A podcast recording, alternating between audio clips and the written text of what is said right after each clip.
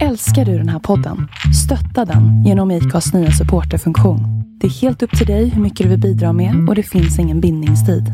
Klicka på länken i poddbeskrivningen för att visa din uppskattning och stötta podden.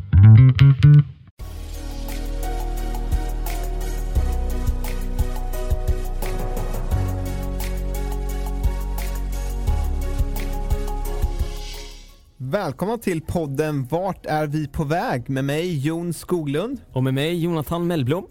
I den här podden kommer vi intervjua framgångsrika sociala entreprenörer och experter inom ämnet socialt och impact entreprenörskap. Vi ger dig som lyssnare de bästa tipsen och den bästa inspirationen för hur man genom innovativa och entreprenöriella metoder kan hitta lösningar på samhällsutmaningar. Häng med!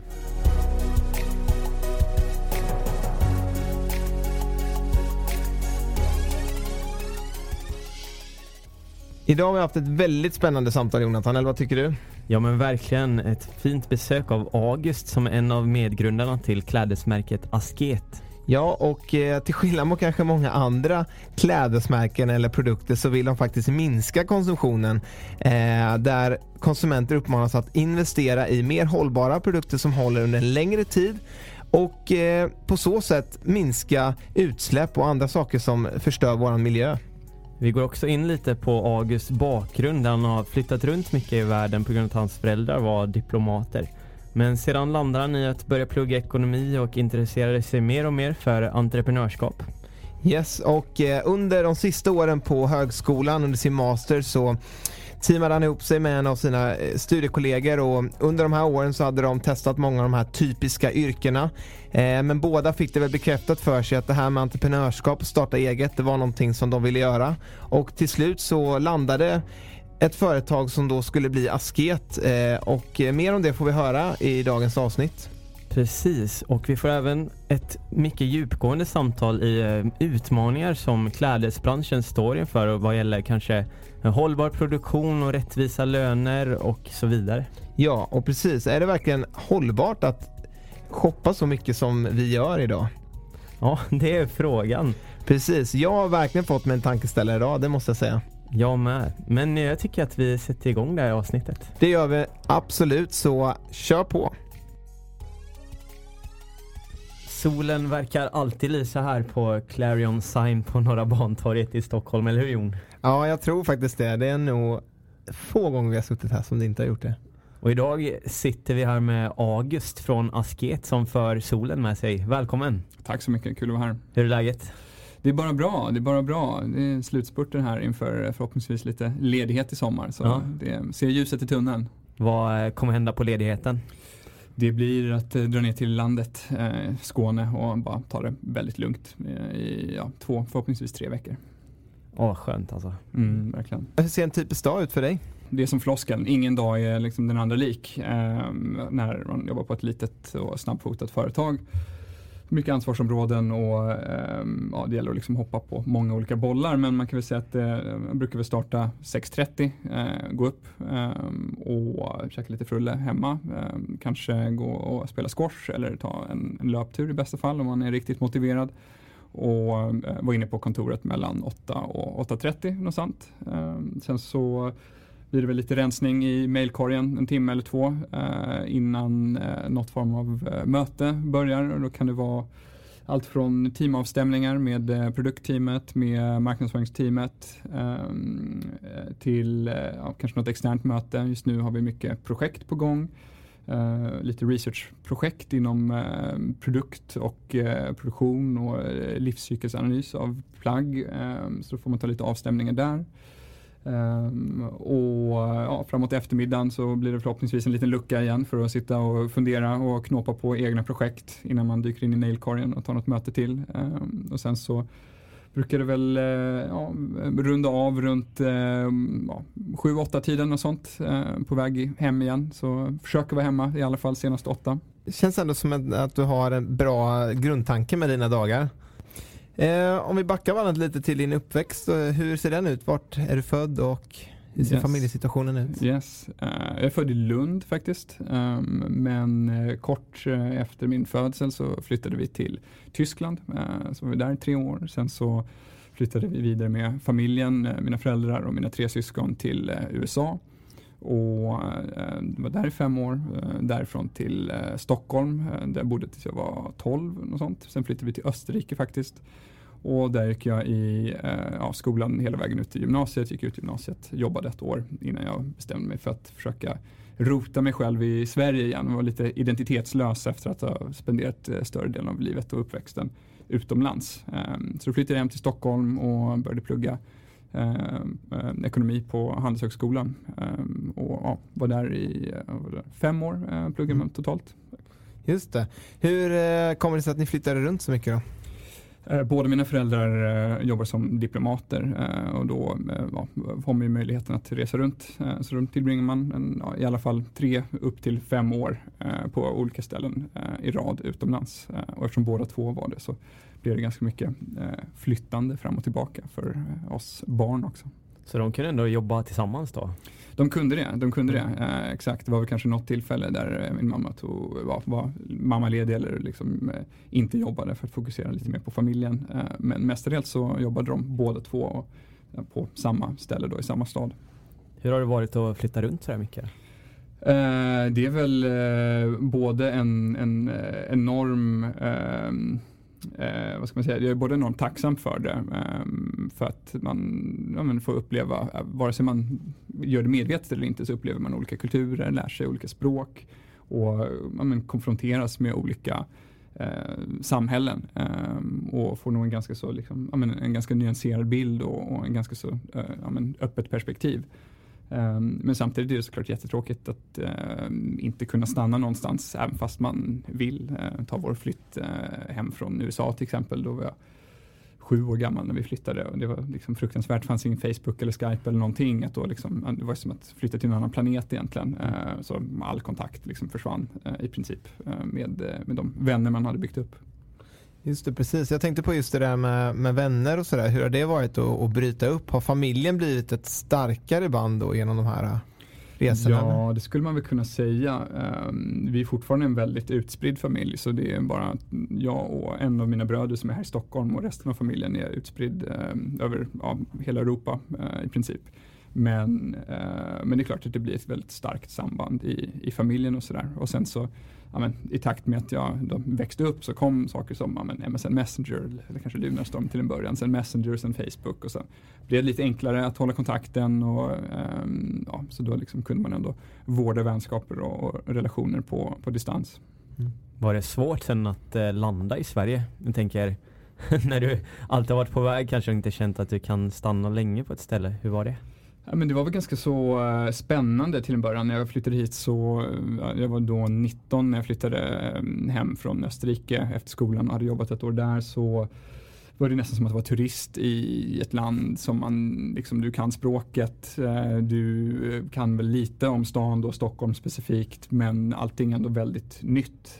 så det var lite som att turista i sin hemstad eller sitt hemland. Eh, ganska speciellt. Och sen så när man börjar plugga och knyter nya bekant, bekantskaper och, och träffar nya vänner så uppdagas det ju kanske allt mer att man eh, saknar liksom vissa grejer bara i den liksom sociala eller, eller, kulturella kontexten. Eh, om du är på en fest och någon drar ett skämt om eh, eller pratar om en serie eller någonting som man inte har sett eller inte har koll på eller pratar om en kändis eller en person som är fullständigt självklar för alla som har spenderat hela sitt liv i Sverige men jag har inte en liksom, aning om vem det är. Eh, så blir det ganska konstigt. Eh, så det blev att jag under liksom många år skyllde på att jag var, eh, liksom, ja, inte hade spenderat min, min uppväxt i, i Sverige. Så det blev lite av en så här, ja, men, udda liksom, identitetsbalans och sen så gradvis så kände jag mig mindre och mindre som österrikare och mer och mer som, som svensk. Det blir lite att man förväntas hänga med på allt och förstå allt fast ändå så har man ingen identitet i de bitarna liksom. Ja precis, lite ja. så. Lite så. Man kanske bara sitter och nickar och ler lite grann och sen så går man hem och googlar på vad, vad fan var det de skrattade åt egentligen. Dina syskon då, är du äldst eller yngst eller är du mittemellan? Mittemellan, mittemellan. Två äldre bröder och en eh, lilla syster. Mm. Vi pratade lite om det här tidigare i ett annat avsnitt om just det olika nivåer eller vart man är i syskonskaran. Eh, hur har det varit för dig då? Ja, det finns så mycket psykologi kring, eller så studier kring eh, hur olika eh, roller, hur man utvecklar olika roller och olika karaktärsdrag och, och kvaliteter beroende på var i, i, i liksom, var man befinner sig i syskonskaran. Eh, jag skulle väl säga att jag är lite av en, liksom den typiska då, eh, Eh, mellan syskonet. Eh, lite medlaren kanske, jag har två äldre bröder som liksom tävlat mycket och som varit lite av liksom trailblazers eller bulldozers och visat möjligheterna. Du kan plugga det här, du kan göra det här. Och de sinsemellan har kanske tävlat rätt mycket medan det liksom varit ett glapp på fem år, eh, fem eller sex år till mig. Um, och sen så har jag då en lilla syster som så jag har väl varit lite i mitten och blivit kanske lite, lite medlaren, lite, ja men, uh, för att använda uttrycket, diplomaten då i, i syskonskaran så att mm. säga. Just det. Vad du har för intressen då under alla de här åren, har det också skiftat eller? Ja, eh, det har det nog. Det har det nog. jag känner mig alltid som en så tråkig person när man pratar om intressen. Jag har inga så här, ja, men, specifikt, ja, men, jag älskar musik och lyssnar jättemycket på det här eller spelar inga instrument jag har varit ganska så här fluktuerande och ofta känt att jag eh, gett upp på saker innan jag blivit riktigt bra på dem. Typ, ja, men jag började lära mig spela gitarr när jag var 14-15 eh, men sen så typ tröttnade jag lite på det. Jag skatade ett tag och åkte inlines och BMX. Gjorde det i två, tre år och sen så gjorde jag inte det längre. Så jag har ofta känt en sån frustration att ja, men, kan jag inte bara eh, liksom dedikera mig till någonting. Eh, det blev alltid att men någonting kom emellan eller så flyttade man, så kanske var flytten som gjorde att men då hade du ingen att skata mer, eh, mer eh, längre. Um, men, eh, ja, men det har varit allt från uh, ja, eh, att skata till att uh, spela lite musik till att um, kolla mycket på film. Um, och sen så har det väl ja, men ebbat ut lite, ett lite kanske grundläggande intresse för för um, design, eh, arkitektur, inredningsdesign och på något plan då liksom ett intresse för kläder också men kanske inte så mycket mode i sig. Ja precis, jag tänkte på det just under uppväxten där. Var det några speciella så här samhällsfrågor eller utmaningar som präglade dig redan då? Ja, alltså eh, lite grann när du ser olika kulturer eh, så nära och injiceras i olika sammanhang så konfronteras du alltid med liksom, olika värderingar. Ehm, och, ehm, jag skulle liksom skatta mig lycklig som uppvuxen i en familj med liksom, en väldigt liberal familj med väldigt liksom, öppna värderingar. Det är klart väldigt subjektivt också. Ehm, eh, men liksom väldigt progressivt och, och intresserad familj i samhällsfrågor och sådär. Um, om man tar Österrike som exempel då så är det ett ganska så konservativt land, väldigt borgerligt. Um, det är liksom ett av de första länderna som hade en uh, regeringsbildning redan runt 2000 med uh, då en, en borgerlig och uh, höger regering och ganska främlingsfientligt. Um, och det är klart att det uppstår ganska obekväma situationer då när folk man kanske tror sig känna väl och, och vara var nära har liksom grundläggande väldigt annorlunda eh, värderingar. Eh, det är också ett väldigt katolskt land eh, som man har väldigt annan syn på eh, på lika rättigheter för, för alla oavsett eh, kön och läggning och det ena och det andra.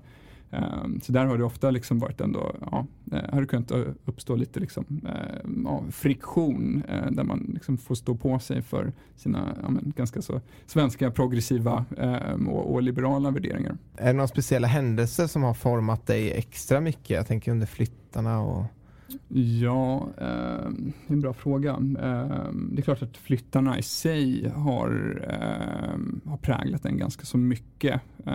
och den här liksom, känslan av lite rotlöshet och att liksom, men, söka någon form av identitet eh, har ju varit eh, men, en ganska så stor prägel under, under uppväxten eh, tills man då liksom hittar någonting som man faktiskt tycker är eh, ja, ens eget, vare sig det är Stockholm som stad och som hem eller om det är liksom, eh, inriktningen på plugget som man liksom börjar brinna för och, och, eh, och börjar liksom identifiera sig med. Um, så jag tror att uh, nu har jag liksom inga planer eller önskemål om att resa eller åka någonstans. Jag känner mig ganska glad i att bara vara i, i Stockholm och att vara i, i Sverige och liksom, men, fortsätta att utforska uh, Sverige. Vi reser liksom tvärs över hela världen för att uh, få upplevelser men det finns så mycket att upptäcka här bara. Jag har liksom knappt varit norr om uh, Storlien typ. det finns ganska mycket kvar att, att, att hämta. Mm. Då är inte den här uh, flyghetsen någonting som är ett problem för dig liksom, utan du Det beror ju på. Alltså vi, vi, vi måste jobba, resa ganska mycket i jobbet mm. eftersom vi jobbar extremt mycket med spårbarhet och transparens i vår eh, värdekedja och att bygga nära relationer till våra fabriker, dokumentera dem och visa för våra kunder och följare eh, hur det faktiskt går till att skapa kläder. Både för att utbilda så att man kan få sig en bild av vad som krävs för att göra ett plagg. För det är ganska få som faktiskt vet det eh, idag eller har en association till det. Um, och för att ja, men, skapa tätare relationer och, och, och jobba med dem. Um, så, um, så jag måste ju resa eh, ganska mycket med, med jobbet men, men privat så har jag inte liksom en, en eh, jättestor drivkraft i att komma ut och, och utforska och har kanske kommit underfund med att men, eh, om jag som tonåring kände att eh, ja, men det är klart att jag ska upptäcka världen och jag vill göra det och det där och liksom se Sydamerika, se Asien och Australien så eh, har väl med åren lite landat i och kanske framförallt nu under de senaste åren med hela klimatfrågan eh, landat i att men, det kanske inte är min rättighet att upptäcka och se hela världen eh, utan eh, ja, man får ta det lite som det kommer och, och vara lite, lite måttfull där. Det vore omöjligt om alla, liksom hela världens befolkning skulle ha en rättighet att se hela världen. Om man går tillbaka till Handelshögskolan, vad var det som intresserade dig där särskilt? Ehm, det var nog företagande. Ehm, under högstadiet och senare tiden under högstadiet så hade jag börjat liksom fundera lite grann kring att eh, starta eget, att det vore kul och liksom hade väl något form av sug på att skapa någonting. Jag hade väl börjat förstå att mm, jag tycker det är som roligast när man faktiskt bygger någonting, eh, vare sig det är någonting fysiskt eller digitalt. Ehm, och fick lite jag gick någon, eh, om det var någon så här extra kurs i, i företagande eller man skulle liksom starta, men likt UF-företagande typ fast i, i Österrike då. Uh, och det var väldigt roligt. Um, och sen så gick min äldsta bror på Handelshögskolan också och liksom berättade att det var en, en väldigt rolig skola och liksom en, en, eh, lätt att skapa ja, eh, vänner och liksom starkt socialt sammanhang. Uh, och det kändes som en ganska bra plats att liksom börja uh, nästa, nästa kapitel i, i, i Sverige. Då. Men du var alltid inställd på att fullfölja studierna där på Handels? Ja, men det var jag. Absolut. Det var jag. Eh, det var ändå en del man ville testa på under plugget. Eh, jag jobbade på Klarna i tre och ett halvt år under kandidaten ehm, parallellt med den och även ett år ehm, efter kandidaten. Ehm, och sen under mastern så jobbade jag som managementkonsult också på BCG och ja, det var lite grejer jag ville bocka av och testa och bara liksom öppna alla dörrar innan jag ja, men, gav mig in helhjärtat eh, någonstans. Men jag tyckte ändå att plugget liksom var, även om kanske inte ämnena i sig var alltid det man förväntade sig, så fanns det, ja, det fanns ju mer än bara kurserna, eh, just det sociala sammanhanget och um, ja, det kändes ändå viktigt att, att avsluta det. Så det var ju aldrig, aldrig någon fråga egentligen om att mm. liksom, ja, men, hoppa av. Um, jag hade väl under den tiden heller inte riktigt funnit ja, asket eller vad som skulle bli asket. Vi hade börjat bolla det, jag och min kompanjon. Men tyckte ändå att plugget var ett bra ramverk för att börja testa det och, och testa på andra, andra roller och andra företag. Och, um, så det, det kändes som en, en, bra grej att avsluta. vad hände där efter, efter plugget då? Man tar det lite småkronologiskt då så var det en kandidat, ja. jag var på Klarna och sen så var jag klar med den, jobbade vidare ett år um, och uh, så bestämde min då nuvarande kompanjon Jakob och jag att gå tillbaka till plugget, ta en master uh, för att under mastern började liksom fila på en affärsplan egentligen. Och då kanske vi inte hade riktigt koll, vad det skulle, koll på vad det skulle vara för någonting. Uh, och så under den mastern, så bara för att vara liksom säkra på att vi inte ville jobba som managementkonsulter så testade vi på det också. Så det var två år i master, jobbade båda två som managementkonsulter. Och eh, under sista året, så eh, 2014-2015, så började vi skriva en affärsplan. Eh, kunde få högskolepoäng för det, vilket var ganska tacksamt. Um, så det blev liksom som att det fanns en liten morot utöver att utforska den här affärsplanen och affärsidén. Um, och när vi hade den uh, hösten 2014 så tänkte jag, ja, men här finns en tävling, då kan vi tävla med den här affärsplanen. Så fick vi lite pengar för det, uh, vi vann något pris.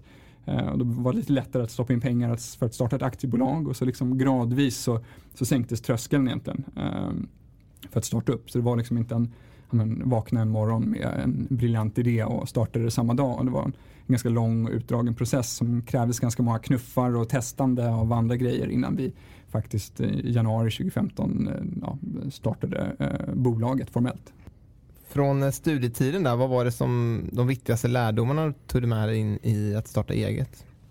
Ja, eh, man lär sig mycket i, under studierna men man är aldrig riktigt förberedd på liksom, faktiskt, eh, det faktiska arbetslivet. Ehm, men eh, just om man läser ekonomi då så, så får du liksom grund, får någon form av verktygslåda i förståelse för, ehm, för en affär och för ett företag, hur man liksom bygger ja, men, eh, kostnader och intäkter helt enkelt. Liksom, vad måste vi dra in för att det här ska kunna flyga? Eh, och hur ska man eh, ja, analysera kostnader? Hur ska man se på det? Hur ska man bygga ett varumärke? Vad är viktigt? Vad, ehm, hur, du får liksom ett ramverk i princip. Eh, men sen så är det ingen som berättar för dig hur du startar ett bolag från att liksom skicka in papper till Bolagsverket eller hur man ska leta efter finansiering om man behöver det eller alla de praktiska grejerna. Det får man ju inte riktigt utan du lär dig att tänka strukturerat eh, och att vara kritisk och att eh, analysera och så får du liksom någon form av kostnadskoll, i alla fall i ekonomistudier, eh, som är väldigt eh, bra att ha med sig. Eh, men, men det blir mer som en grundplåt egentligen. Man, det är långt ifrån att, att man har tagit en kurs i att starta företag. Ja men exakt, jag känner igen det. Jag har själv pluggat ekonomi och det är verkligen som att man får nycklar men kanske inte dörren som man ska öppna. Nej, precis. precis. Eh, när ni skrev den här affärsplanen här sista året på mastern, vad, hur såg den ut, den affärsidén? Mm. Uh, vi hade väl någonstans där under sommaren 2014, vi hade liksom båda bestämt oss för att uh, sluta jobba som konsulter. Jag hade haft en praktik och min, min kompanjon hade jobbat deltid länge. Eh, så hade vi börjat bolla lite olika idéer och ehm, um, asket, eller det som skulle bli asket var ju en av de idéerna. Um, vi var frustrerade över att vi äger väldigt mycket kläder men använder väldigt få av de kläderna. Om man tänker på det man faktiskt har på sig varje dag så är det en bråkdel av ens garderob och börjat liksom fundera kring den, den frågan och börjat leka med tanken att starta ett eh, varumärke som är helt digitalt, bara online, eh, spara på kostnader och investeringar i butiker och personal Eh, var lite mer liksom lean så att säga. Um, så um, såg vi då att vi kunde välja den här, en kurs i att skriva en affärsplan. Så det var väl kanske det närmaste man kom till en liksom starta eget-kurs eh, så att säga. Men det handlade egentligen bara om att liksom, ja, man, börja skriva. Så fick man en liten struktur. Men man ska skriva om Ehm, ja, idén, eh, du ska skriva om eh, vad liksom din value är, vad är du till för, för värde, du ska börja eh, knåpa på vad din marknad är och förstå den. Vem är din kund och hur ska du marknadsföra dig? Och, eh, och det var ett ganska bra verktyg för att bara ja, men, sortera tankarna vi hade och ju mer vi satt och skrev och strukturerade och sorterade tankarna desto mer insåg vi att eh, det fanns något väldigt starkt bakom den här idén och allting började liksom rimma. Um, om vi är online bara så har vi en direkt relation till kunden. Då kan vi ta in feedback löpande om vi jämför det med ett vanligt modemärke som har återförsäljare som inte hör från slutkunden egentligen. Eh, och om vi har en permanent kollektion så kan vi ha fler storlekar och jobba på att ta bort kompromisser i, i passform på det sättet. Och allt det där började liksom ja, men det blev som kugghjul som började liksom klicka i varandra lite grann eh, när vi satte oss ner och, och, och började skriva. Eh, så det var en, eh, en ganska så eh, en bra process även om det känns lite, lite motigt i början. Men vi hade som sagt moroten då att vi fick högskolepoäng för det också. Ja, det. Vi har hört många tips här i podden där gäster har sagt att eh, gå ut direkt så fort du har en idé, prata med potentiella kunder, forma din idé och få feedback på det sättet. Men ni började ju lite i den här affärsplansänden när ni gick den här kursen. Eh, hur var det och har du några erfarenheter där du vill dela med dig av? Mm, just det. Um, men, eh, en del av det arbetet vi, vi gjorde där um, var ju att eh, börja gå ut och fråga också. Så vi började sätta upp enkäter och um, frågade våra vänner och liksom studiekollegor och Eh, ja, ja, försökte distribuera ut liksom en, en, ett, ett frågeformulär egentligen eh, eh, digitalt och till och med liksom bara med flygblad på skolan för att liksom, men, få lite koll på om folk faktiskt skulle uppskatta det vi planerade att göra egentligen. Um, så jag håller absolut med dem som du har sagt att men, gå ut och prata och berätta om det, stresstesta frågan. Uh, för att annars så riskerar man ju få ett väldigt liksom, uh, inifrån ut uh, perspektiv och det blir väldigt subjektivt huruvida man faktiskt tycker att den här lösningen man knoppar på är, bra eller inte eller tillför ett värde eller om det finns en betalningsvilja för den.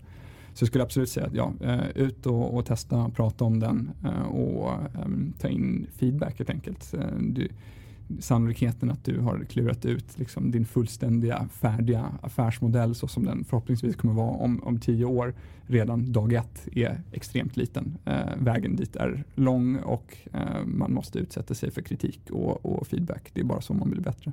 Ja men exakt. Och samtidigt kanske det kan vara ett tips att ändå utgå ifrån någon slags affärsplansmodell när du går ut och pratar med kunder för att få just de här kugghjulen och se att de faktiskt hakar i varandra. Absolut, absolut. Uh, nej, verkligen. Alltså det, um, det är otroligt värdefullt att ha någon form av plan att förhålla sig till. Att en, en struktur för var du ska börja och um, bara att liksom ha ett ramverk um, för att uh, formulera det du vill göra är, är, extremt värdefullt för då börjar du liksom utsätta dig själv för du börjar med att utsätta dig själv för de här frågorna. Eh, vad är det faktiskt? Vem är min kund? Om man börjar tänka på, men vem, eller vem ska vara min kund? Så du behöver fråga, ställa dig själv den frågan för att veta hur du sen ska nå den kunden. Så det är, det är väldigt bra att börja tänka eh, inom, liksom, ja, skriva och, och, och knåpa och, och, formulera. Det här med entreprenörskap, du, du var ändå inne på det ganska tidigt. Så vad är liksom drivkraften till att du blivit intresserad av det? Eh, jag tror inte det, det, det, det, kom liksom inte som en individuell källa eller en, en punkt i livet där jag kände att ja, men det är entreprenörskap som, som gäller utan det var väl en, en gradvis insikt från då liksom den här UF eh, liknande eh, uh, ung företagsamhet liknande grejen i Österrike till att uh, när vi då gick ut kandidaten på handel så började tech bli ganska så hett igen och startup-scenen började liksom bubbla. Ehm, om man jämför med, det hade varit liksom, den hade legat låg sedan IT-kraschen eh, 2000. Ehm, men där kring ja, men 2010 till ehm, 2012 eller vad det var, eller 2009 till 2012 när vi eh, pluggade kandidaten så började det liksom det hände väldigt mycket i, i, i Stockholm och på Handelshögskolan så fanns en, en inkubator eh, där bland annat Klarna hade startat. Så det fanns ändå en närhet till, till företagsamhet och entreprenörskap. Um, och, och, den lockade väl mer än till exempel en traditionell eh, väg att gå efter att man läser ekonomi som är bank eller, eller konsult. Och bank struntade det helt och hållet men konsult testade det i alla fall. Um, så det var nog den liksom kittlande känslan i att, att bygga någonting, att skapa någonting som folk uppskattar. Um, och att sitta i förarsätet. Eh, för det som kanske var mest spännande på Klarna till en början var att man fick väldigt mycket ansvar. Det var väldigt dynamiskt och du, såg, du jobbade en timme och du såg exakta resultatet av den timmen. Du ser precis din, liksom, vad, vad, hur bidrar du till företagets framgång. Um, och i takt med att företag blir större och större och större så är det svårare för alla att, att ha den närheten mm. till resultatet såklart. Um, och, och, när, och jag kände då när, när Klarna växte att det, det blev liksom ja, mindre och mindre spännande. Um, så den närheten till att se en effekt av vad man gör och att se att det faktiskt betyder någonting. Uh, vare sig liksom, ja, eh, det kan ju vara att det betyder någonting på olika plan men att, uh, att det man gör har en effekt och ett resultat är väl liksom den underliggande kanske drivkraften till, till att starta eget för mig. Mm. Och, och, just med samhällsutmaningar och sånt, ni, ni löser ju ganska tydligt problem, eller ni jobbar i alla fall för att lösa det här med klädkonsumtion, fast fashion och det här. Eh, men är det några andra frågor liksom inom samhälls, ja, men samhällsfrågor som, som du brinner väldigt mycket för och vill göra någonting för? Liksom? Um, bra fråga. Um, jag skulle väl säga att um, vi är så otroligt investerade i uh, frågan kring konsumtion och effekten av den konsumtionstakt vi har idag på människa och miljö. Att uh, det, uh, det, finns inte så mycket utrymme för, för fler frågor, även om man skulle vilja liksom göra allt möjligt. Mm.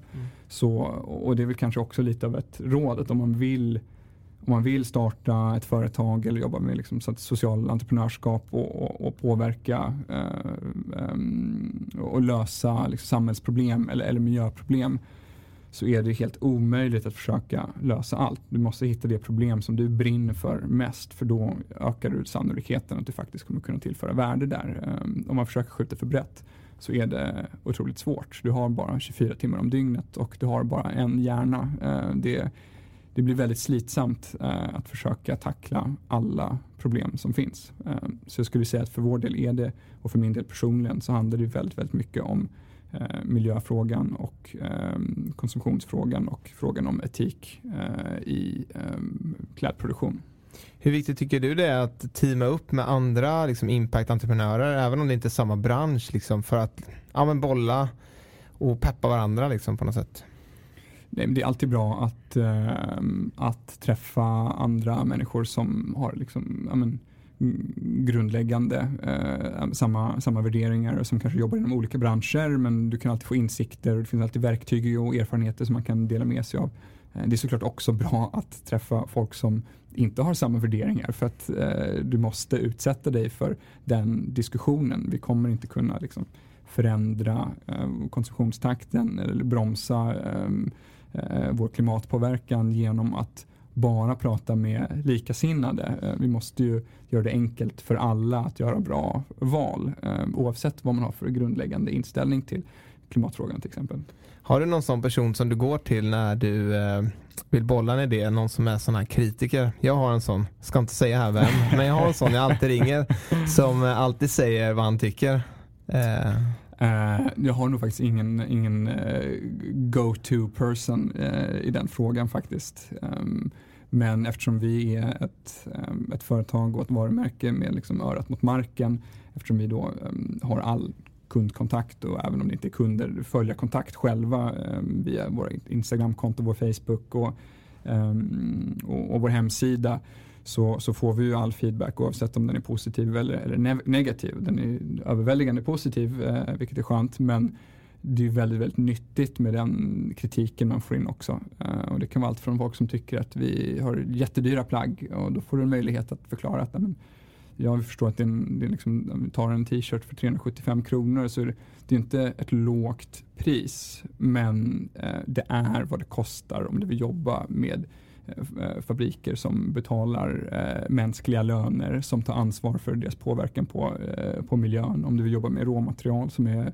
eh, liksom välproducerade och har en låg impact. Om du vill skapa, om du vill skapa plagg som håller eh, länge, eh, då är det här priset. Och det pris du kanske är van vid liksom från ja, men, eh, ja, en, en, butik på liksom high street eller fast fashion det är en annan typ av produkt och, den är, och så här går det till att göra den ungefär och det här är det som inte betalas för eh, i den produkten och då får du liksom ett ypperligt tillfälle att, eh, att ta den dialogen med en individ eh, och det är fantastiskt. Eh, det är en av de liksom finaste möjligheterna man har med, eh, med eh, sociala medier. Ja, och när vi är inne på det, det är väldigt spännande. Så just det här med asket, om vi glider in lite mer på det nu och er affärsidé. Det finns ju mycket som ni gör som är som säger, bana väg på ett nytt sätt liksom och, och lite banbrytande sådär. Eh, bland annat som du säger, ni kapar en del mellanhänder. Ni sköter all distribution själva och liksom de bitarna. Berätta lite om det. Yes. Eh, jag skulle säga att det startar med att vi um, liksom bryter upp med uh, vad som är den, de, de, de grundbultarna i, i modeindustrin och det är säsongskollektioner och återförsäljare för att nå ut. Säsongskollektioner innebär att man då skapar ja, men, eh, historiskt sett egentligen eh, en, en kollektion per årstid egentligen. Eh, så ja, men, fyra kollektioner per år för att matcha behoven eh, efter liksom väder och, och klimat helt enkelt. Men eh, det har ju under liksom historiens gång och sen den industriella revolutionen när det blivit snabbare och enklare att producera kläder blivit snabbare och snabbare och snabbare. Så idag har vi företag som släpper kläder varje dag eller släpper hela kollektioner varje vecka. Um, och i takt med konkurrensen och globaliseringen och att det är enklare att starta bolag och det är enklare att sälja globalt så um, pressar man eh, priserna för att pris och design någonstans är liksom de två faktorerna som man som eh, slutkund eh, bestämmer mellan när man står där inför ett köp i en butik. Så det gör ju att eh, du vill vara snabbare och snabbare och snabbare eh, men du behöver fortsatt hålla en eh, låg prispunkt eh, och det man gör då är att man letar det billigaste möjliga sättet att göra de här plaggen. Eh, sen så har eh, klädproduktionen i Sverige försvunnit för många, många år sedan eh, så då lägger man den längre och längre och längre bort eh, där man inte har insyn i vad som faktiskt händer. Och det gör att du liksom till slut har du skapat eh, en bransch där en designer idag i Europa förmodligen aldrig har sett en fabrik och en inköpare vet inte vad det betyder om man pressar en fabrik och säger att men vi kan bara betala så här mycket för det här plagget. Då har man inte insyn i att vad det innebär är att de betalar löner som är liksom, ja, under miniminivå. Att det är en fabrik som inte tar hand om miljöpåverkan, förgiftar floder, eh, liksom har eh, mängder med utsläpp etc. Eh, det finns liksom ingen insyn i det. Ehm, så eh, den här snabbheten och, och säsongskollektionerna och prispressen gör att vi har liksom blivit vana vid att det alltid finns nya plagg att köpa och att de alltid är väldigt, väldigt eh, billiga. Det är billigare att köpa en ny t-shirt än att köpa en lunch eh, idag.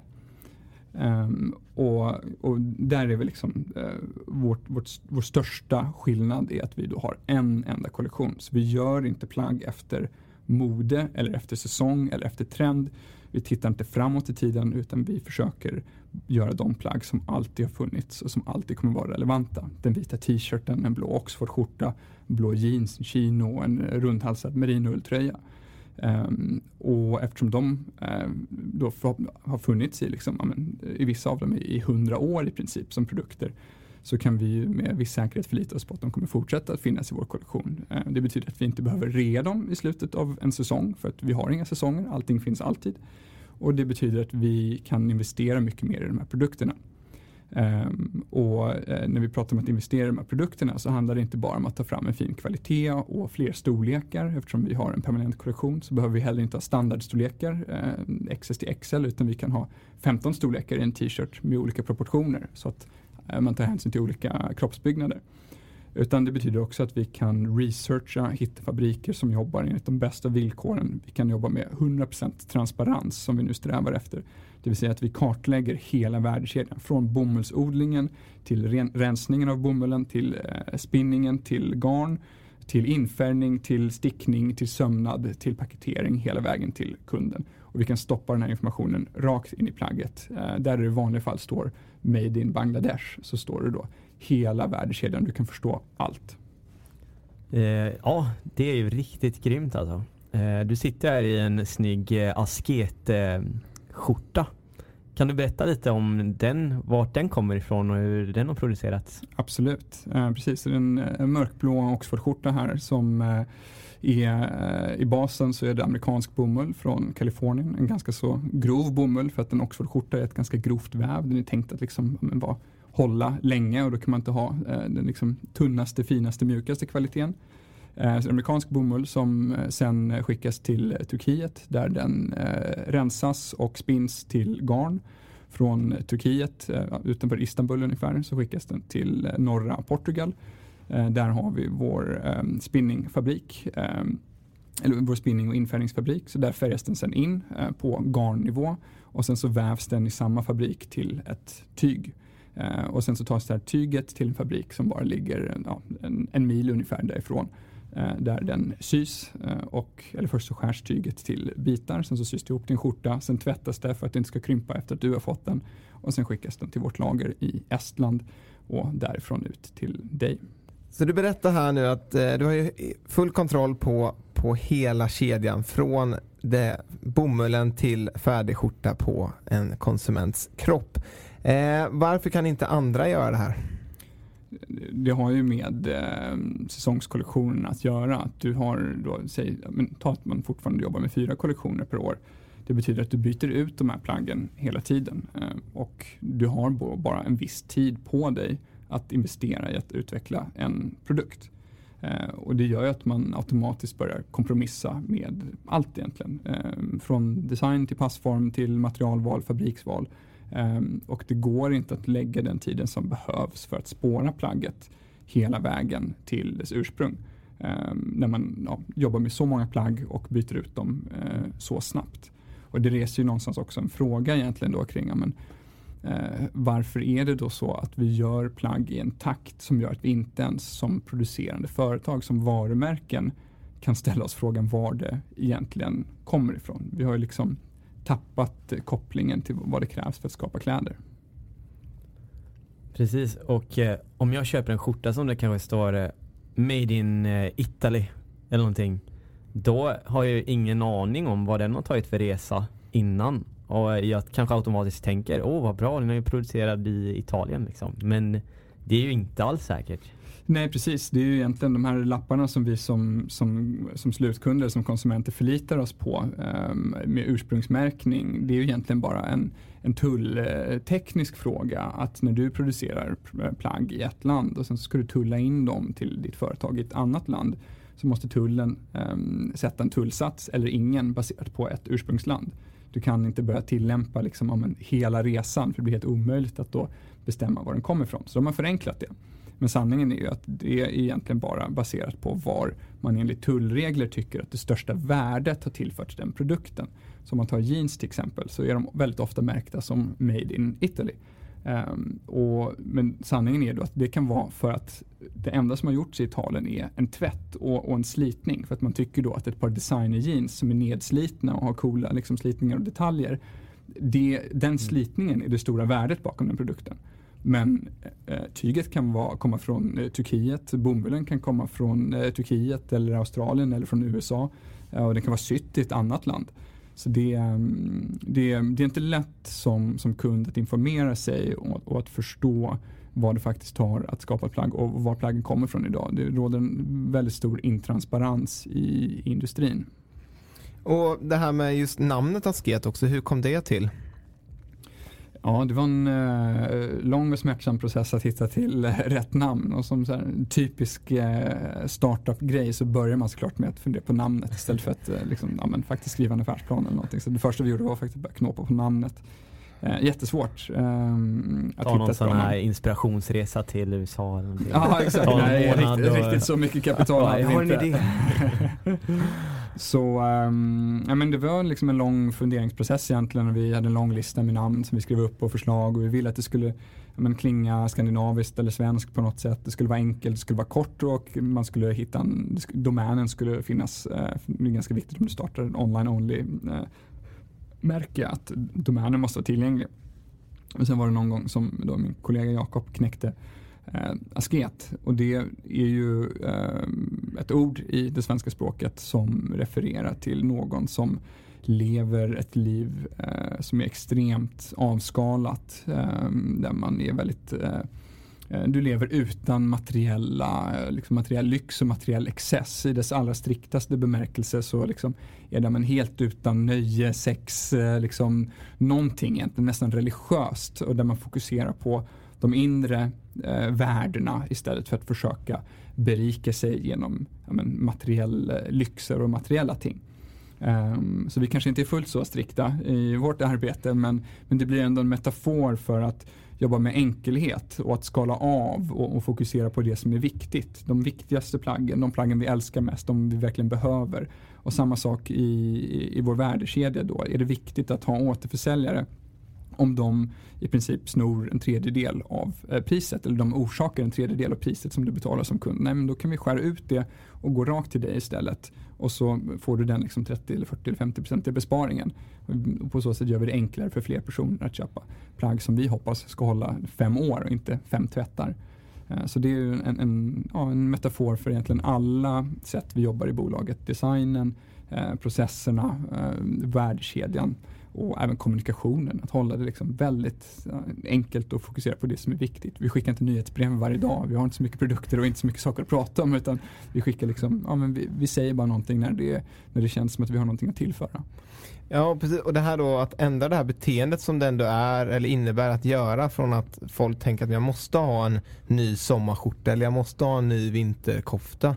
Hur jobbar ni med det och vad får ni för reaktioner från kunder kring mm. det här? Mm. Ja, men, ehm, det, är liksom, det är en stor utmaning för beteende sitter så djupt rotat. Vi har alla våra rutiner och, och våra vanor och, eh, och det är ganska känsligt. Ehm, så ehm, det var lite av en resa för oss egentligen. Och, och om man ska liksom spola tillbaka lite grann och vara helt ärlig så när vi startade så ja, vi, vi såg att vi hade väldigt mycket i våra garderober att vi använde väldigt lite av dem. Och vi tyckte bara att det var jobbigt att ha mycket grejer som man inte använder så vi ville liksom maximera så att vi alla har garderober där man faktiskt använder allting genom att förena eh, pris, passform och kvalitet eller passform och kvalitet till ett bra pris. vi hade inte så mycket tankar kring vad det faktiskt innebär att producera kläder. Vi hade ingen erfarenhet alls eh, om det. Men eh, i takt med att vi då skulle starta ett varumärke utan fysiska butiker eller återförsäljare, bara online, så var vi tvungna att börja tänka kring ja, men hur ska vi förklara vad det här är för kvalitet. Vad är bomull? Vad är egyptisk bomull? Vad är 100% eh, mot en, en blandning? Hur ska vi liksom manifestera kvalitet utan att du faktiskt kan ta och klämma på produkterna? Och då var svaret på den frågan att vara transparenta. Um, och sen så jobbade vi från början då i Europa med väldigt bra fabriker och ja, startade ett märke 2015 så startar startade du förhoppningsvis med liksom sunda värderingar så, eh, att inte vilja utnyttja fabriker eh, på andra sidan jordklotet. Men eh, tanken med, med liksom, och, och, vår vision om att sakta ner konsumtion den växte egentligen på oss. För det första vi var tvungna att göra för att kunna visa upp eh, och vara transparenta och, och, förklara vår kvalitet och förklara vår prispunkt och att lära oss allt det här själva. Och i takt med att vi reste, eh, träffade de här fabrikerna, såg vad som faktiskt krävs att, att göra ett plagg. Det spelar egentligen ingen roll om det är en en, en liksom lyx-t-shirt eller en fast fashion t-shirt. Det kräver lika mycket vatten och lika många timmar nästan att sy. Det är lika mm. mycket resurser och lika stor impact på planeten. Um, och den lärdomen var ganska så uh, ögonöppnande uh, för oss egentligen. Så uh, då hade vi redan lagt ett fundament av att visa våra fabriker och vara transparenta för att vi ville göra det för att förklara vår prispunkt och förklara vår kvalitet. Men vi började ju se att folk uppskattade det av, av olika anledningar. Att man, man, vi insåg att ja, men, folk, eller ja, men, den, den allmänna kunden har ingen kunskap om vad som krävs att skapa produkter. Men eh, i och med att vi då kunde öppna upp och, och, och tillhandahålla den här informationen så såg vi att folk faktiskt började skriva till oss och vi började få feedback kring att oj, herregud, tar det så här många steg? 40 steg att sy en Oxfordskjorta, det är liksom helt vansinnigt. Mm. Så vi pratade egentligen inte direkt om att säga, men, du måste ändra ditt beteende eller ehm, det här är vansinnigt, uh, du borde inte köpa så mycket plagg. Utan vi började liksom istället bara visa upp vad som, det, vad som krävs för att skapa ett plagg. Och på det sättet, lite undermedvetet egentligen, ja, men, mata våra kunder med den här informationen eh, och med en förhoppning om att det då leder till att man faktiskt nästa gång man står inför ett köpbeslut men tänker på att ja, just det, men jag såg ju den här filmen, det tar 40 steg att göra den här Oxfordskjortan. Är det rimligt att betala 350 kronor för dem? Vad blev över i lön för de som sydde den här? Och var kom bomullen från egentligen? Så att vi egentligen bara nej, men, eh, försöker vara utbildande och väldigt, väldigt öppna. Eh, och sen så får man fatta besluten själv egentligen. Så det vi försöker göra egentligen är att vi paketerar en väldigt, väldigt fin eh, produkt, en väldigt, ett väldigt fint plagg till ett vettigt pris på ett helt transparent sätt. Så du kanske köper oss för att vi har ett speciellt storlekssystem. Eh, det kanske var därför du köpte skjortan. Men när du stoppar den i tvätten och står där i tvättstugan och vänder ut och in och ser på etiketten att den är faktiskt gjord i hundra ja, olika steg och den kommer härifrån då börjar man sakta, ja, men, sakta förstå komplexiteten bakom plagg och, och, vad som krävs för att göra dem. Och på det sättet ja, men, göra valet lite lättare och, och, och göra det lättare att förstå impacten och ja, effekten av ens, eh, ens, konsumtionsbeslut egentligen. Vi eh, hade ett, ett litet samarbete med en fotograf eh, här under våren och fotograferade två personer, gjorde en studie på dem som Eh, som lever ett väldigt, väldigt, väldigt avskalat liv. Eh, den ena är en, ehm, en eh, produktutvecklare inom modebranschen och hans garderob går att vika ihop och lägga här på skrivbordet framför mig. Det är, liksom, det är, som, det är inte ens en tvätthög.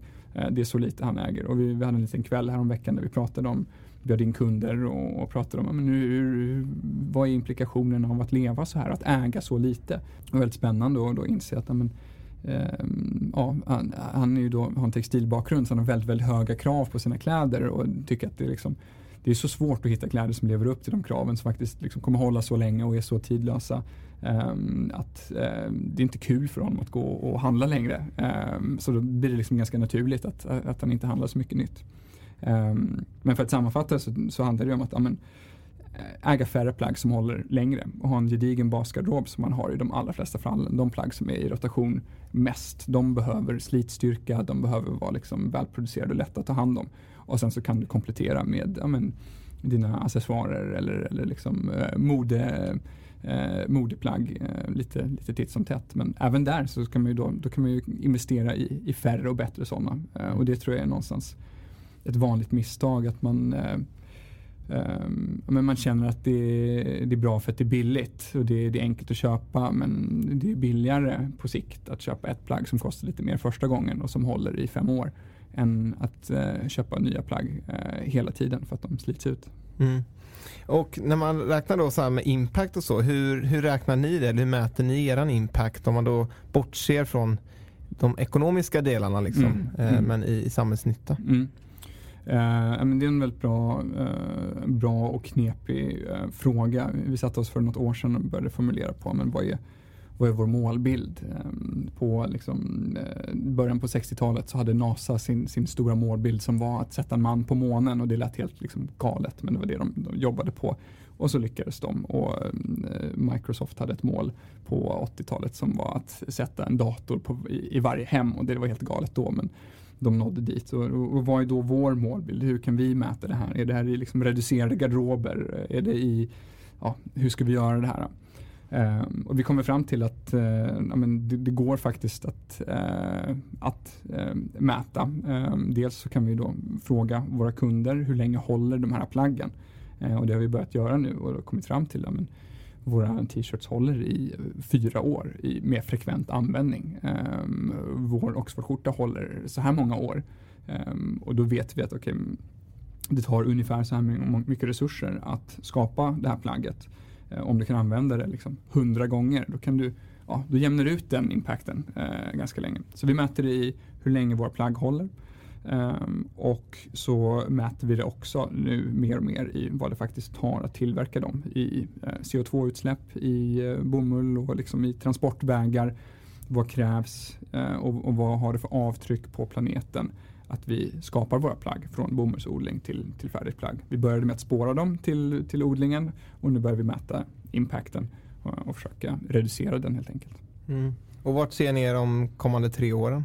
Kommande tre åren så, så har vi en del eh, produkter att jobba på. Vi släpper tre till fyra nya plagg per år eh, och där kommer vi till slut nå en gräns för att det finns bara ja, så många produkter man kan ha i en, en, permanent kollektion. Om du konstant utvidgar den så, så, så går inte det riktigt. Det finns bara inte så många plagg som är liksom verkligen ikoniska garderobsklassiker. Ehm, så någonstans kommer vi nå ett slut i att utveckla nya plagg för män i alla fall. Ehm, men sen så är ju vår vision att förändra vårt konsumtionsbeteende och sakta ner modebranschen och då måste man också kolla på, på kvinnor eh, och på liksom kvinnligt mode såklart. Så det blir väl en fråga som, som vi kommer behöva brottas med lite under eh, ja, närmaste tre åren. Men eh, vi hoppas såklart att ha vuxit till oss. Eh, redan nu så ser vi att Sverige, vår hemmamarknad, börjar eh, liksom, eh, inte tappa då, men vi, vi, vi, växer snabbare i andra marknader i takt med att vi eh, blir större här. Det finns större marknader och det finns fler personer att möta och det finns fler personer att upplysa om, om vad det krävs att skapa plagg. Mm. Och det här med socialt entreprenörskap då som vi snackar om den här podden och som vi är inne på nu i våra diskussioner här. Vad är, vad är det för dig? För vi brukar alltid ställa den frågan till alla gäster här, för det kan ju vara väldigt olika liksom från vad man håller på med och, och hur man ser på det. Eh, men vad är det för dig liksom kortfattat?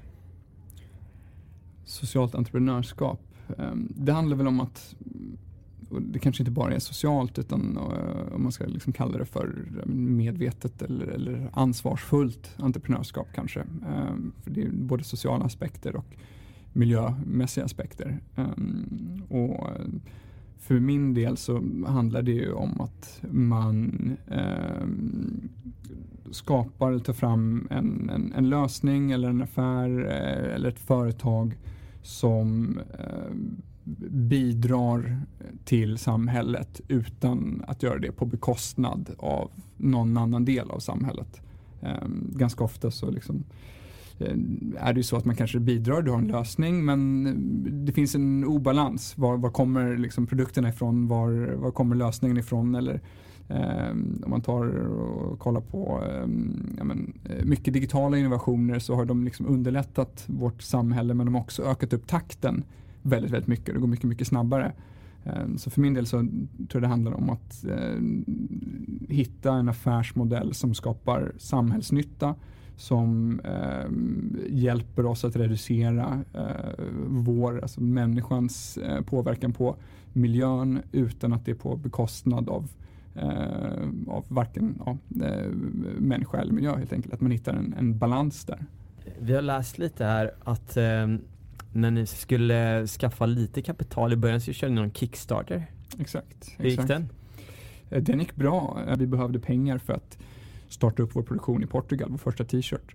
Uh, vi behövde producera vad var det, tusen t-shirts helt enkelt. Vi behövde ja, men, lite drygt uh, 100 000 kronor.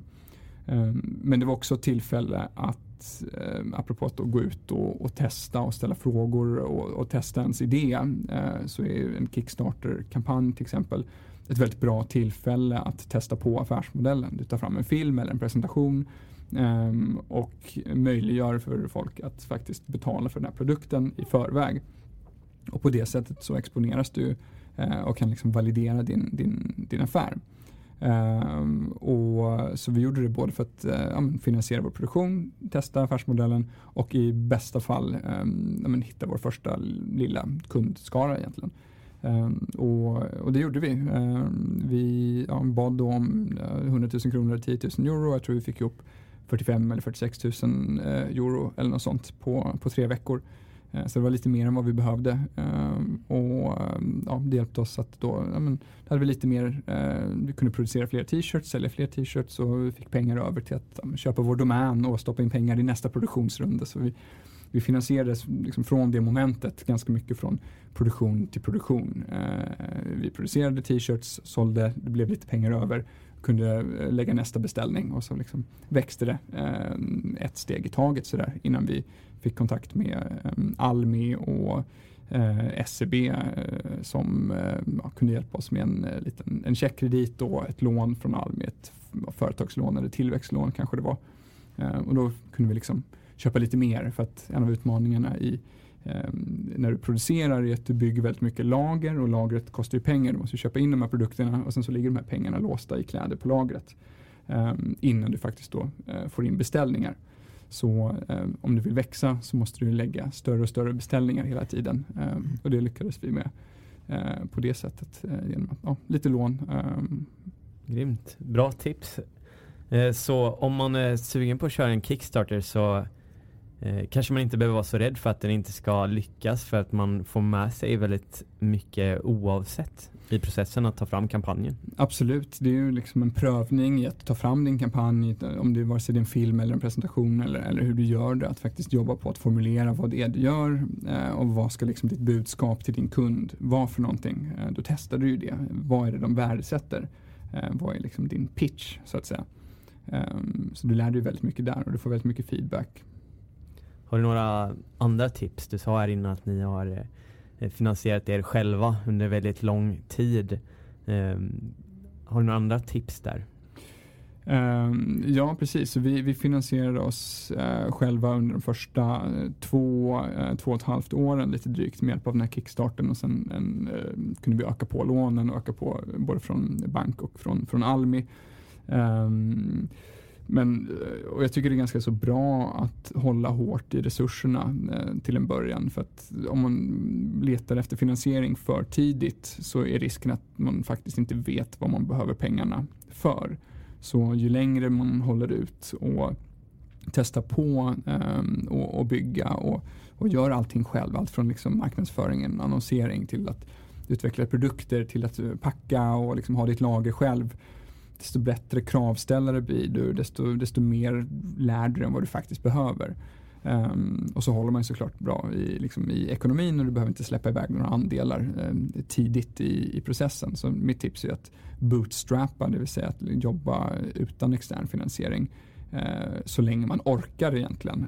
Um, för såvida det inte är så att du jobbar på uh, en produkt eller i en marknad där det är väldigt, väldigt nödvändigt att vara väldigt snabb för att ta marknadsandelar. Eh, om man pratar tech liksom, så är det ju så. Spotify eh, var tvungen att växa väldigt, väldigt snabbt för att det är en dynamik att ju fler lyssnare du får desto fler eh, artister vill spela på plattformen. Ju fler artister du har desto fler lyssnare blir det. Vilket gör att det blir som ett svart hål eh, som suger åt sig och, och blir stort. Um, och där måste man vara först ut. Mm. Om du bygger ett varumärke eller ett livsstilsvarumärke så tar det tid att bygga det. Så stressa inte det i så fall. Um, utan låt det ta sin tid och ja, hellre skynda långsamt när det gäller marknadsföring och sådär, ni jobbar ju med egna kanaler egentligen enbart nu. Ni har ju skippat äh, återförsäljarledet. Hur, äh, hur jobbar ni där och liksom, vad är dina bästa tips att bygga bra marknadsföring digitalt med små resurser? Mm.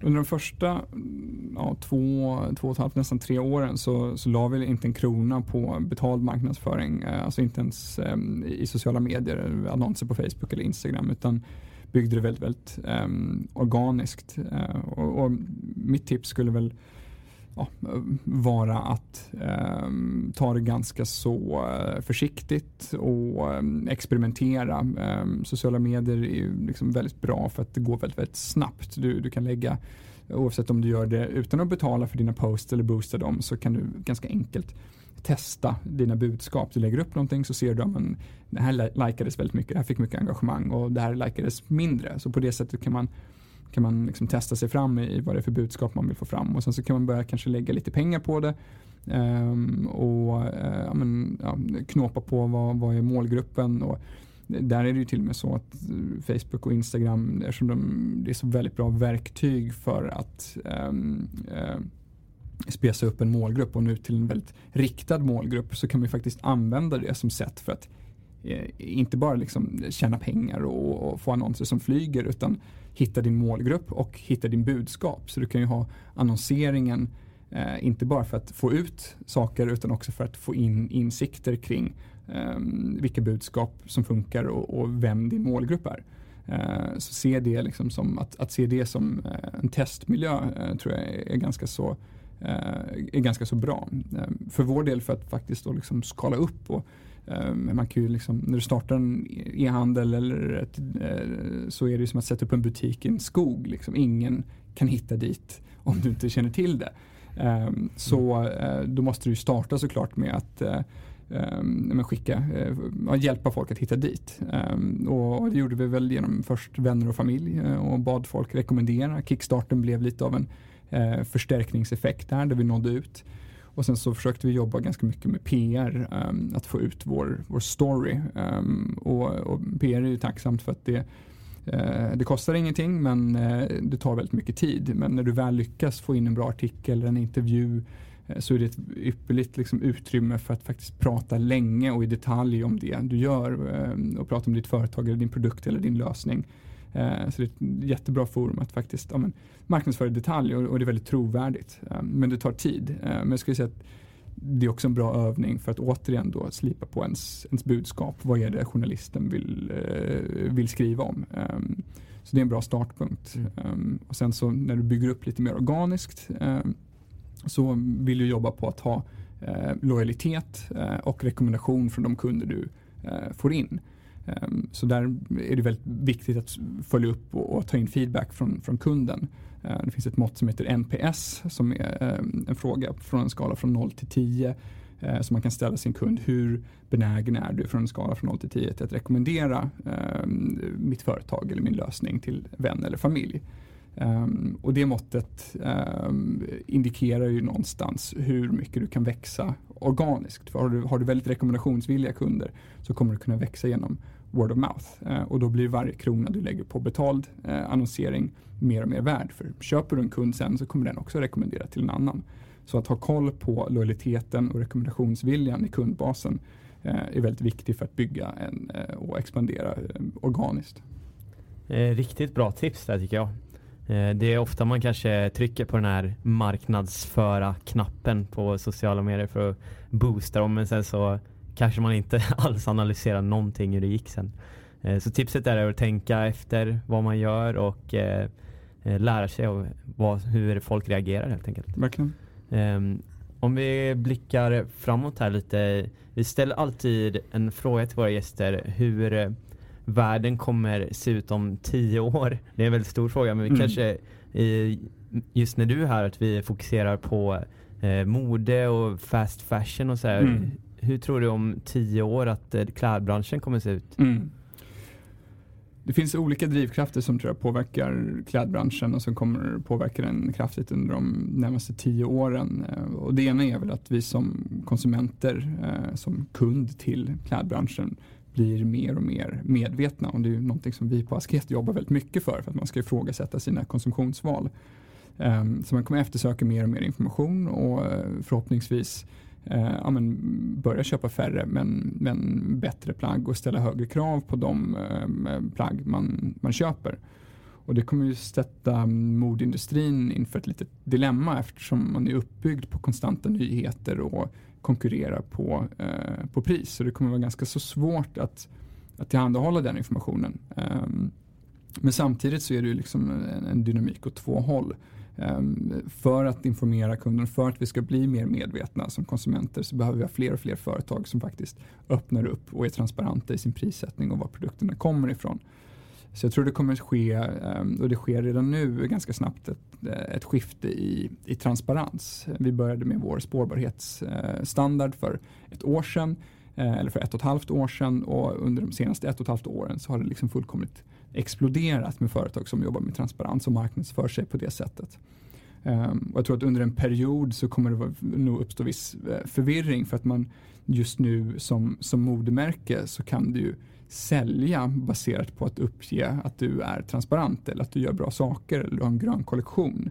Ehm, jag var på ett möte med Naturvårdsverket eh, för några veckor sedan och de har gjort en studie som visar att det finns över 60 olika miljöpåståenden i Sverige inom eh, klädbranschen. Det vill säga 60 olika varianter på det här är conscious collection, det här är en grön kollektion, det här är hållbart, det här är spårbart.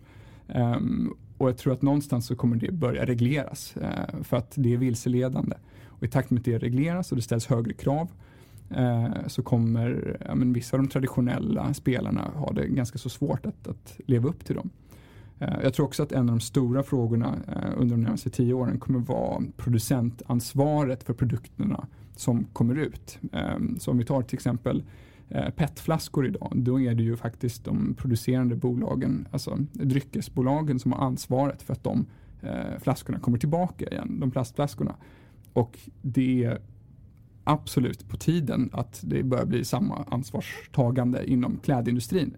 Um, och det kommer också bli eh, en ganska så stor uh, fråga. Hur sätter man upp sig som ett då, kanske globalt företag eller som ett litet märke för att faktiskt kunna ta ansvar för produkterna man, eh, man säljer.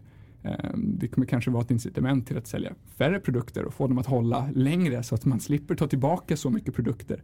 Och förhoppningsvis så kommer vi där se ja, men också en, en positiv effekt på eh, att man, man, betalar mer för att eh, producera bättre kläder som, som håller längre. Är det någonting på gång här i branschen med certifiering eller reglering? Det, det, det finns ju en, en, hel del eh, certifikat när det kommer till olika aspekter av eh, värdekedjan. Det finns eh, certifikat för vissa standarder i fabriken, managementstandarder för liksom, renlighet, för hur man hanterar eh, vattenavfall, använt vatten och recycla vatten. Ehm, och problemet är väl att det, de här certifieringarna är inte standardiserade eller de, är liksom inte, de jobbar inte med varandra. Så en certifiering kanske bara påverkar eh, infärgningen. En annan certifiering är egentligen bara om det tar gott eh, organisk bomull till exempel. Det, är egentligen, eh, alltså, det handlar ju rätt mycket om fibern, eh, om bomullsfibern, hur är det odlat? Um, och, och, väldigt många säger att det här är organiskt men sen så är det färgat med kemikalier, det är inte organiskt och, och det är sytt så här. Och, så, så, det finns en stor otydlighet där. Um, så jag vet inte om det är någonting, en standardisering är på gång där, men, men det skulle behövas. Hur kan man eh, som konsument vara med att eh, påverka det här? Kan man gå in till någon av de stora kedjorna och faktiskt eh, ställa frågor eller liksom söka svar på var det faktiskt kommer ifrån och hur det är producerat?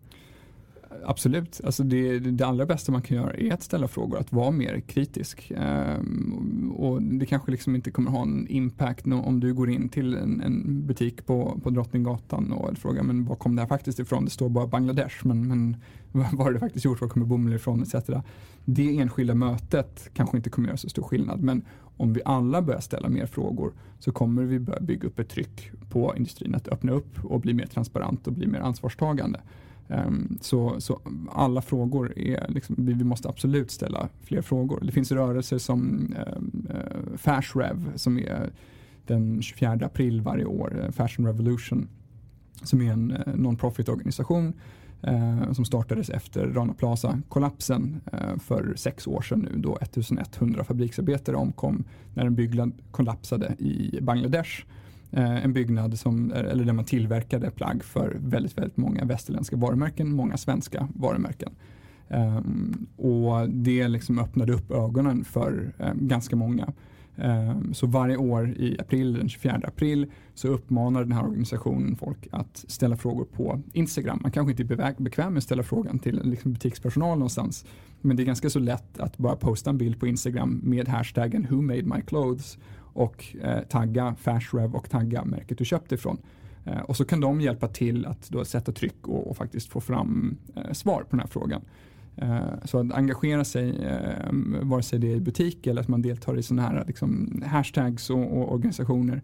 Eh, eh det, behöver, ja, det, det räcker för att, för att starta upp egentligen.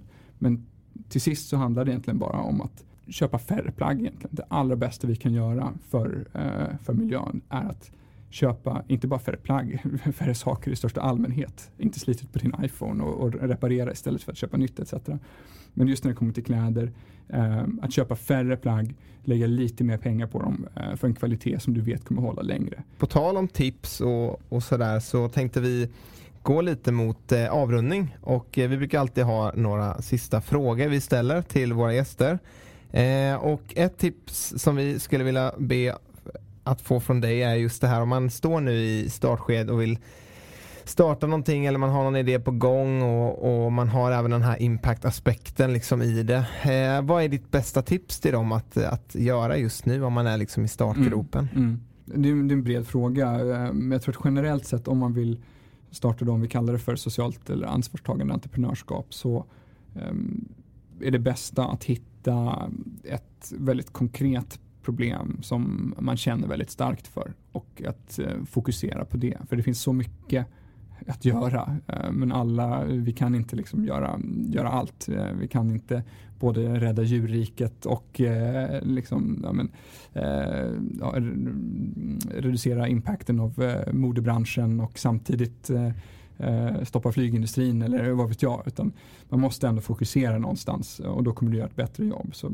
försök att hitta någonting som man faktiskt, ett konkret problem som man, som man brinner för Um, och, och, och, har man då en, en, lösningsidé eller en tanke bakom det, att förfina det, gå ut, testa den uh, som vi pratade om tidigare, uh, exponera den för kritik, ställ frågor till, till uh, dina vänner, dina bekanta, kollegor om det är så att du liksom fortfarande är fast i ett jobb du kanske vill ifrån för att starta det här. så liksom börja bolla den och, och presentera den. Det viktigaste är att hitta någonting man faktiskt brinner för och inte gör det för sakens skull. Ja men mycket bra tips alltså. Eh, nästa fråga är ett socialt företag som du tror lite extra på här. Ja, men det, det händer ju väldigt mycket um, och, och, det finns ganska många spännande företag att, att följa. Um, och kanske konkret här i Stockholm så finns det mycket som händer på Norrsken. Um, ett av företagen som jag följt lite grann är um, Karma som är ett företag som jobbar på att reducera matsvinn uh, genom att uh, och samtidigt då Ehm, eh, reducera förluster för matproducerande företag, restauranger, eh, bagerier eh, och, och eh, livsmedelsbutiker. Ehm, jag tycker det som är liksom så spännande där är att en, man har hittat en win-win för eh, företagen, för oss som konsumenter ehm, och för miljön. Att du skapar värde på alla tre fronter. Eh, du eh, minskar svinnet i butikerna och liksom förluster i, produkter som eh, annars hade gått till spillo. Du sänker priset på varor till konsumenten som gör det billigare att köpa saker. Och samtidigt så då, går produkterna då, eller maten till användning istället för att ja, gå till svinn helt enkelt. Så ett väldigt bra exempel på ett företag som ja, skapar en win-win situation och gör någonting gott. Um, I övrigt så um, träffade jag för några veckor sedan ett företag som heter eh, Duconomy som är ett uh, kreditkort eller ett kort egentligen, ett bankkort um, där, som håller koll på vad dina köp har för impact. Uh, jag tror de är ganska nystartade, jag vet inte om de har startat ens. Men, men logiken är att du, du drar ditt kort och sen så har du ditt konto och så Ehm, räknar de då ut baserat på kvittot och informationen i kvittot um, vad för CO2-impact de här köpen har haft. Ehm, så att du får full koll på det och det som är spännande där är att kortet är ju liksom eh, den gemensamma nämnaren för alla transaktioner och 99% av vår påverkan på miljön. Du betalar med kortet för dina flyg, du betalar i matbutiken, du betalar på restaurangen, på kaféet, överallt. Så det är en fantastisk möjlighet att faktiskt samla och kvantifiera vår påverkan och skapa en förståelse för det. Eh, så det ska bli väldigt spännande att eh, följa, följa dem. Eh, och det de gör då är att de, de gör det också enkelt att kompensera för det här. Även om klimatkompensation inte är en lösning i sig så, det, så är det en bra grej. Spännande, bra tips där. Eh, och sista frågan. En person som du skulle vilja se bli intervjuad här i podden Vart är vi på väg? Ja, eh, ni har redan snackat med Kalle Niver på Go Climate Neutral. Han är fantastisk. Eh, ja, men ni borde prata med eh, Elin Larsson eh, som eh, varit hållbarhetschef på eh, Filippa K väldigt länge. En fantastisk person som eh, ja, är involverad i flera olika branscher och väldigt trevlig att prata med om inte annat men också extremt kunnig. Eh, men eh, vi vill tacka för att du kom idag. Eh, superintressant eh, samtal om, om modeindustrin och, och liksom det här med att eh, verkligen bli transparent när det gäller produktion. Eh, jag tror att många av oss konsumenter skulle verkligen börja tänka över ett par gånger extra om vi verkligen visste hur allting gjordes. Det är ju svårt. Det är svårt. Om man jämför det med matindustrin till exempel så har vi ju någonstans fortfarande, vi, i Sverige producerar vi fortfarande mat. Vi, har, vi producerar både liksom vete och, och, och kött och, och, och mjölk och Um, och du ser det om du åker tåg eller du åker till landet eller du bor på landsbygden så har du en relation till vad som krävs för att skapa de produkterna. Um, medan kläder produceras inte längre i Sverige och därför vet vi inte vad som krävs för att, för att göra dem. Um, och uh, det speglas ganska tydligt i priserna. Om man kollar på de senaste 20 åren så har ett paket mjölk blivit 50% dyrare med inflationen och ett par Levi's 501 jeans har blivit 10% billigare i takt med att vi bara skyfflade längre och längre och längre bort. Um, och, ja, vi uppskattar lokal mat och närodlat. Um, jag tror att vi i allt större utsträckning kommer uppskatta ja, men, uh, mer närproducerat och, och transparent producerat inom uh, modeindustrin också. Mm. Tack så jättemycket. Tack så mycket. Och eh, lycka till med allting framöver. Tack Vi ska mycket. följa er resa. Super, kul att vara här. Tack så mycket för att du har lyssnat på dagens avsnitt. Glöm inte bort att följa oss i sociala medier. Vi finns på Facebook, Instagram och LinkedIn och även vår hemsida vartarvipavag.org. Och om du har möjlighet får du jättegärna gå in och ratea våran podd på iTunes. Yes, och för dig som vill ta del av podden ytterligare så tycker jag att du ska gå in och signa upp dig för vårt nyhetsbrev där du varje vecka får en liten kort resumé av avsnittet men också de bästa tipsen och de bästa insikterna från gästen som vi har haft med oss.